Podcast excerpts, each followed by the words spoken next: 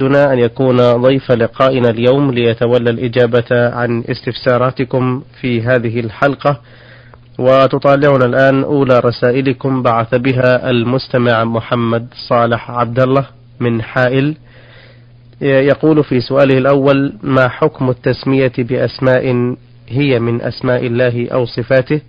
كمثل رؤوف وعزيز وجبار ونحو ذلك هل تجوز مثل هذه التسمية؟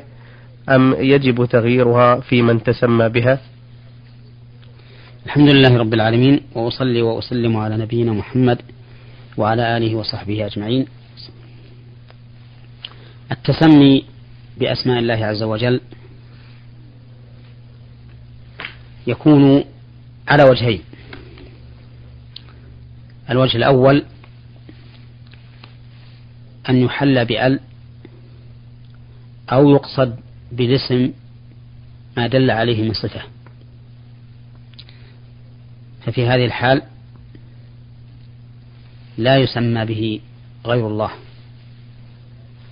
كما لو سميت أحدا بالعزيز والسيد والحكيم وما أشبه ذلك فإن هذا لا يسمى به غير الله لأن أل هذه تدل على لمح الأصل. وهو المعنى الذي تضمنه هذا الاسم. وكذلك إذا قصد بالاسم وإن لم يكن محلا بأل إذا قصد بالاسم معنى الصفة فإنه لا يسمى به. ولهذا غير النبي صلى الله عليه وسلم كنية أبي الحكم الذي تكنى بها التي تكنى بها لأن أصحابه يتحاكمون إليه فقال النبي عليه الصلاة والسلام إن الله هو الحكم وإليه الحكم. ثم كناه بأكبر أولاده شريح. كناه بأبي شريح. فدل ذلك على أنه إذا تسمى أحد باسم من أسماء الله ملاحظا بذلك معنى الصفة التي تضمنها هذا الاسم فإنه يمنع. لأن هذه التسمية تكون مطابقة تماما لأسماء الله سبحانه وتعالى. نعم. أما الوجه الثاني فهو أن يتسمى بالاسم غير محلا بأل ولا مقصود ولا مقصود به معنى الصفة. فهذا لا بأس به مثل الحكم حكيم ومن أسماء بعض الصحابة حكيم بن حزام الذي قال له النبي عليه الصلاة والسلام لا تبع ما ليس عندك. و وهذا دليل على أنه إذا لم يقصد بالاسم معنى الصفة فإنه لا بأس به. لكن في مثل جبار لا ينبغي أن يتسمى به. وإن كان لم يلاحظ الصفة. وذلك لأنه قد يؤثر في نفس المسمى فيكون معه جبروت وعلو واستكبار على الخلق. فمثل هذه الأشياء التي قد تؤثر على صاحبها ينبغي للإنسان أن يتجنبها. والله أعلم. السؤال الثاني يقول إذا توفيت امرأة ولها مال وليس بعدها وارث وأقرب شخص إليها هو من قامت بإرضاعه رجلا كان أو امرأة. فهل هو أحق بتركتها أم تؤول إلى بيت المال؟ ليس الصلة أو ليست الصلة بالرضاع من أسباب الإرث. فأخوها من الرضاع وأبوها من الرضاع ليس له إرث ولا ولاية ولا نفقة ولا شيء من حقوق القرابات لكن لا شك أنه له شيء من الحقوق التي ينبغي أن يكرم بها. وأما الإرث فلا حق له في الإرث. وذلك لأن أسباب الإرث ثلاثة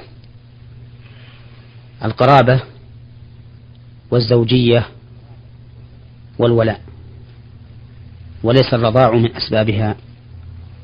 وعلى هذا فالمرأة المذكورة في السؤال يكون ميراثها لبيت المال يصرف إلى بيت المال ولا يستحقه هذا الأخ من الرضاع. نعم.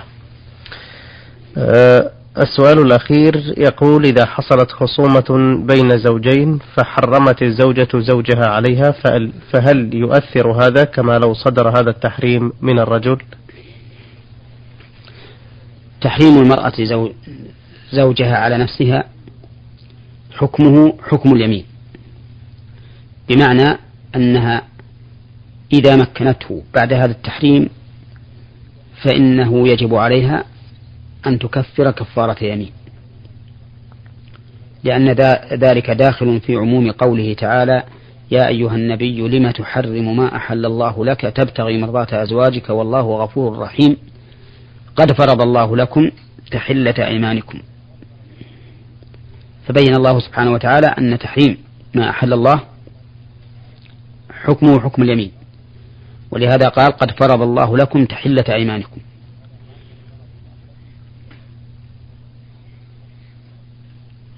ولأن الله تعالى ذكر كفارة اليمين بعد أن أمر بالأكل من الطيبات. بل بل بعد أن نهى عن تحريم ما أحل الله. فقال تعالى يا أيها الذين آمنوا لا تحرموا طيبات ما أحل الله لكم ولا تعتدوا إن الله لا يحب المعتدين وكلوا مما رزقكم الله حلالا طيبا واتقوا الله الذي أنتم به مؤمنون لا يؤاخذكم الله باللغو في أيمانكم إلى آخره. فدل هذا على أن تحريم الطيبات أن حكمه حكم اليمين. فتحريم المرأة زوجها من هذا الباب. يجب عليها حكم يجب عليها كفارة يمين نعم. كفارة اليمين هي إطعام عشرة مساكين أو كسوتهم أو تحرير رقبة فمن لم يجد فصيام ثلاثة أيام متتابعة. وإطعام عشرة مساكين على وجهين إما أن يصنع طعاما غداء أو عشاء فيدعوهم إليه حتى يأكلوا وإما أن يعطي أن يعطيهم أن يعطيهم حبا.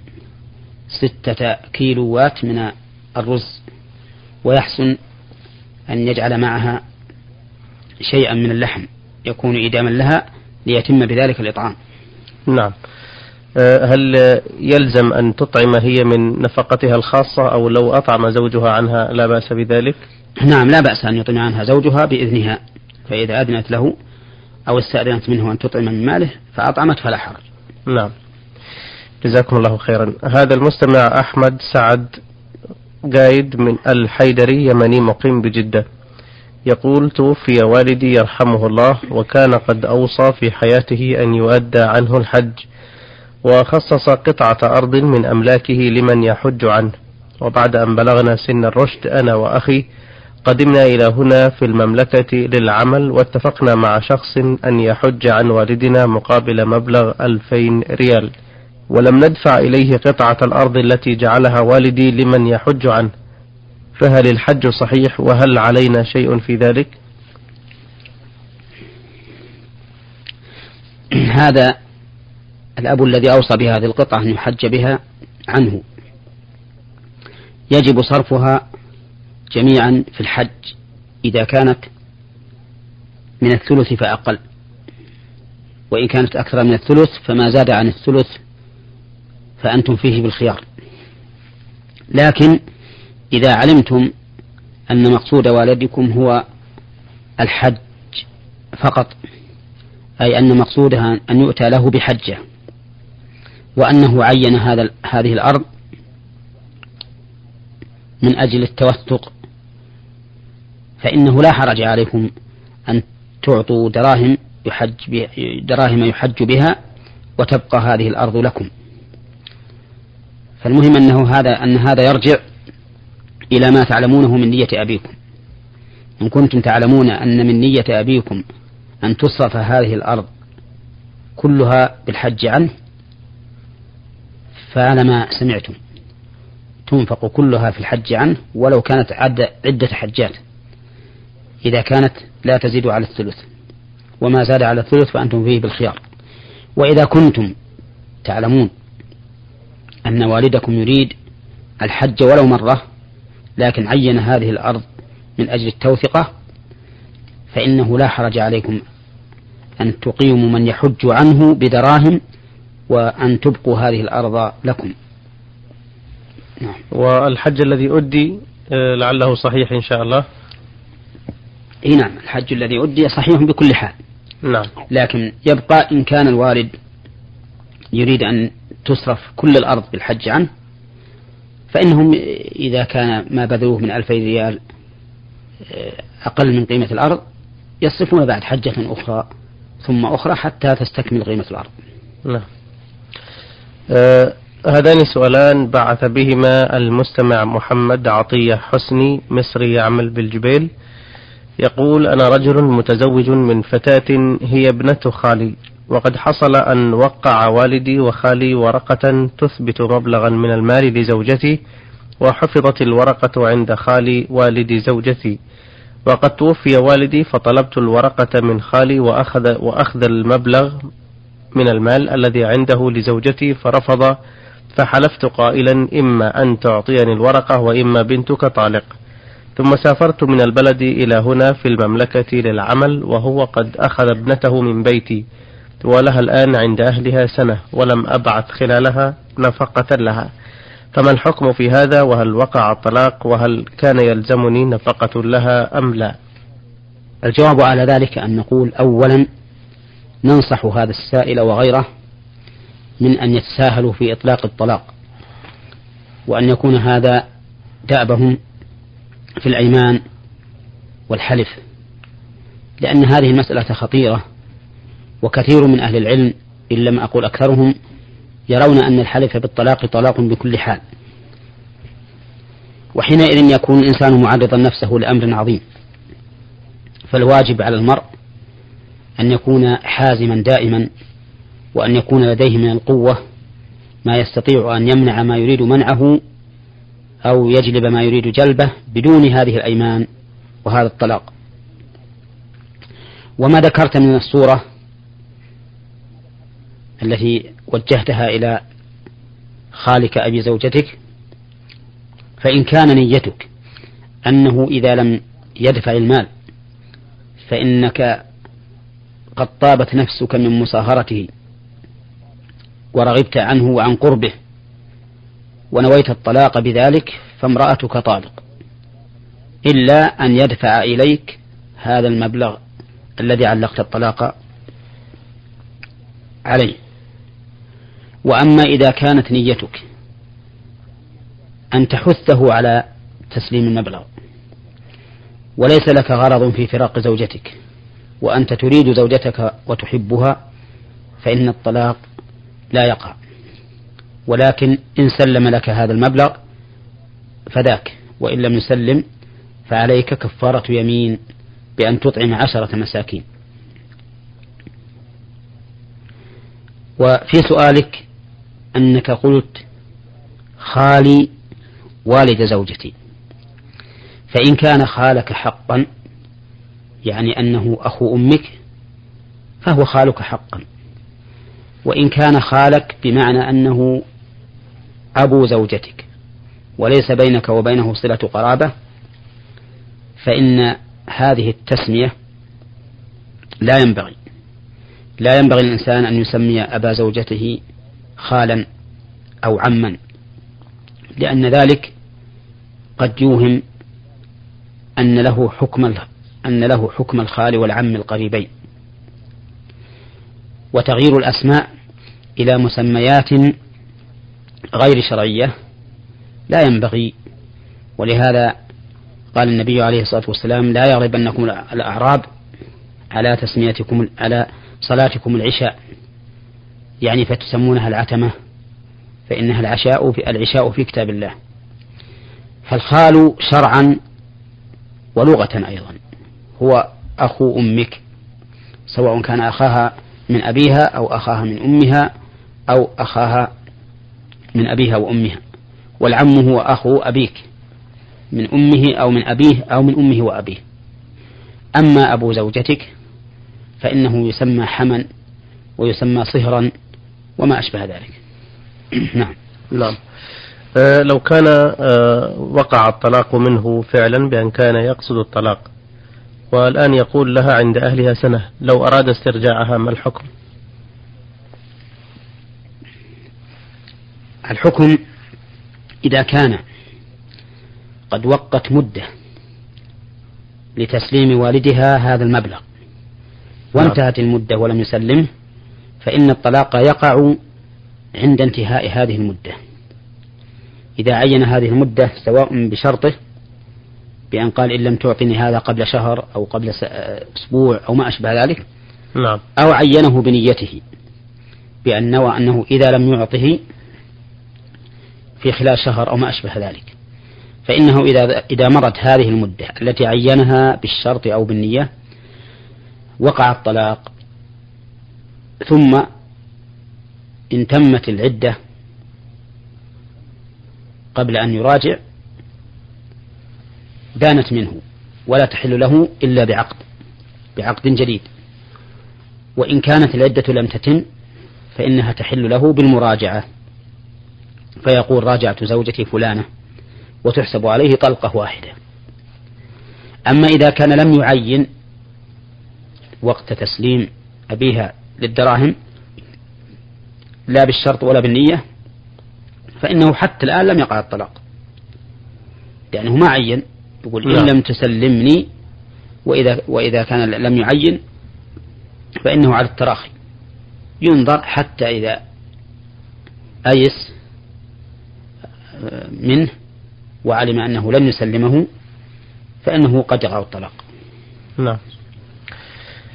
بارك الله فيكم. السؤال الثاني يقول توفي عندنا رجل وبعد مضي سبعة أشهر على وفاته رأى أحد أقاربه في المنام رؤيا أنه ينادي أخرجوني من القبر وابنوا لي مقاما. وفعلا نفذوا هذه الرؤيا فأخرجوه من القبر وتجولوا به في البلد وبنوا له مقاما. ويعتقدون الآن أنه ولي. فما الحكم في هذا العمل؟ وهل من نصيحة إلى مثل هؤلاء الناس الذين ضعفت عقائدهم إلى هذه الدرجة؟ الحكم في هذا العمل أنه عمل محرم وأن المرائي التي ترى في المنام إذا كانت مخالفة للشرع فإنها باطلة وهي من ضرب الأمثال التي يضربها الشيطان ومن وحي الشيطان فلا يجوز تنفيذها أبدا. لأن الأحكام الشرعية لا تتغير بالمنامات. والواجب عليهم الآن أن يهدموا هذا المقام الذي بنوه له وأن يردوه إلى مقابر المسلمين. هذا هو الواجب. ونصيحتي لهؤلاء وأمثالهم أن يعرضوا كل ما يروه في المنام كل ما يرونه في المنام على الكتاب والسنة. فما خالف الكتاب والسنة فهو مطرح ومردود ولا عبرة به. ولا يجوز للإنسان أن يعتمد في أمور دينه على هذه المراء الكاذبة لأن الشيطان أقسم بعزة الله عز وجل أن يغوي بني آدم إلا عباد الله المخلصين. فمن كان مخلصا لله ومخلصا له متبعا لدينه مبتغيا لوجهه فإنه يسلم من إغواء الشيطان وشره. وأما من كان على خلاف ذلك فإن الشيطان يتلاعب به في عباداته وفي اعتقاداته وفي أفكاره وفي أعماله فليحذر. يقول الله عز وجل إن الشيطان لكم عدو فاتخذوه عدوا إنما يدعو حزبه ليكونوا من أصحاب السعير. أحسن الله إليكم. هذا السؤال من المستمع سالم غانم عاشور.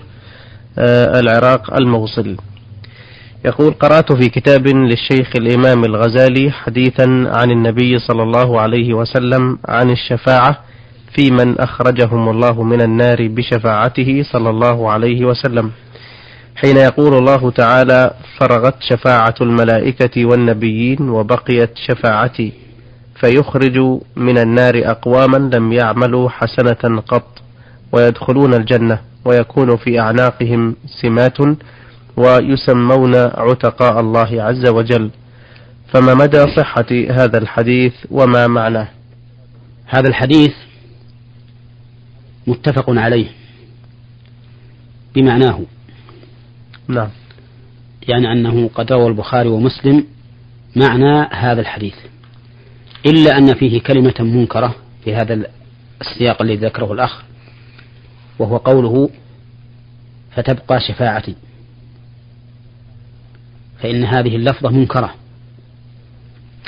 واللفظ الذي ورد في الصحيحين ولم يبق إلا أرحم الراحمين.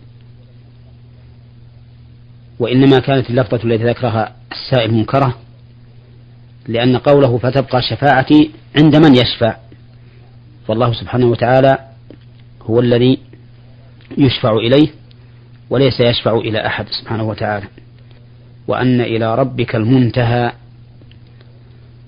ومعنى هذا الحديث أن الله سبحانه وتعالى يأذن للرسل والملائكة والنبيين وكذلك لصالح الخلق أن يشفعوا في إخراج من شاء من أهل النار.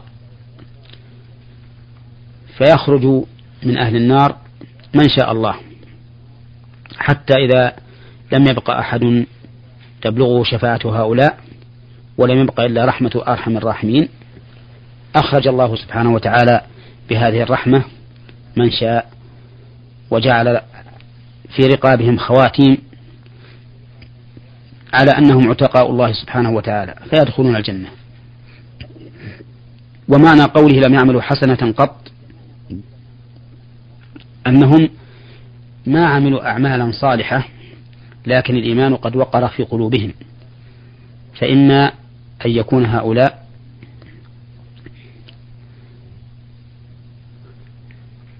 قد ماتوا قبل التمكن من العمل.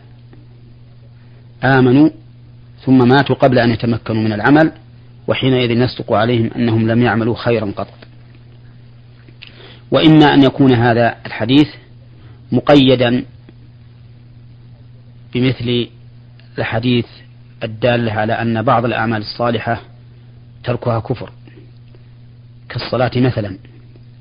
فإن من لم يصلي فهو كافر. ولو زعم أنه مؤمن بالله ورسوله. والكافر لا تنفعه شفاعة الشافعين يوم القيامة وهو مخلد في النار أبد الآبدين والعياذ بالله. فالمهم أن هذا حديث إما أن يكون في قوم آمنوا ولم يتمكنوا من العمل. فماتوا فور إيمانهم فما عملوا خيرا قط. وإما أن يكون هذا عاما ولكنه يستثنى منه ما دلت النصوص الشرعية على أنه لا بد أن يعمل كالصلاة. فإنه لا بد أن يصلي الإنسان فمن لم يصلي فهو كافر لا تنفعه الشفاعة ولا يخرج من النار. بارك الله فيكم. هذا سؤال من الأخت سين ألف. ضاد من بلدة المحاني تقول ما معنى كلمة الحيوان في قوله تعالى وما هذه الحياة الدنيا إلا لهو ولعب وإن الدار الآخرة لهي الحيوان لو كانوا يعلمون وما معنى الآية؟ هذه الآية تدل على أن الدنيا ليست إلا لهوا في القلوب وغفلة ولعبا في الجوارح. من المرح والبطر وما أشبه ذلك إلا ما كان طاعة لله عز وجل. فإن ما كان طاعة لله عز وجل فإنه حق وليس لهوا ولا لعبا بل هو حق ثابت يكون الإنسان فيه مثابا عند الله عز وجل ومأجورا عليه. لكن الدنيا التي هي الدنيا ليست إلا لعبا ولهوا. ولهذا تجد الإنسان فيها لاهيا لاعبا حتى يأتيه اليقين وكأنها أضغاث أحلام. أما قوله تعالى وإن الآخرة لهي الحيوان فالمعنى أن الآخرة هي الحياة الحقيقية الدائمة الثابتة التي ليس فيها لمن دخل الجنة تنغيص ولا تنكيد ولا خوف ولا حزن. وقوله لو كانوا يعلمون يعني لو كانوا يعلمون الحقيقة ما اشتغلوا بالدنيا التي هي لهو ولعب عن الآخرة التي هي الحيوان.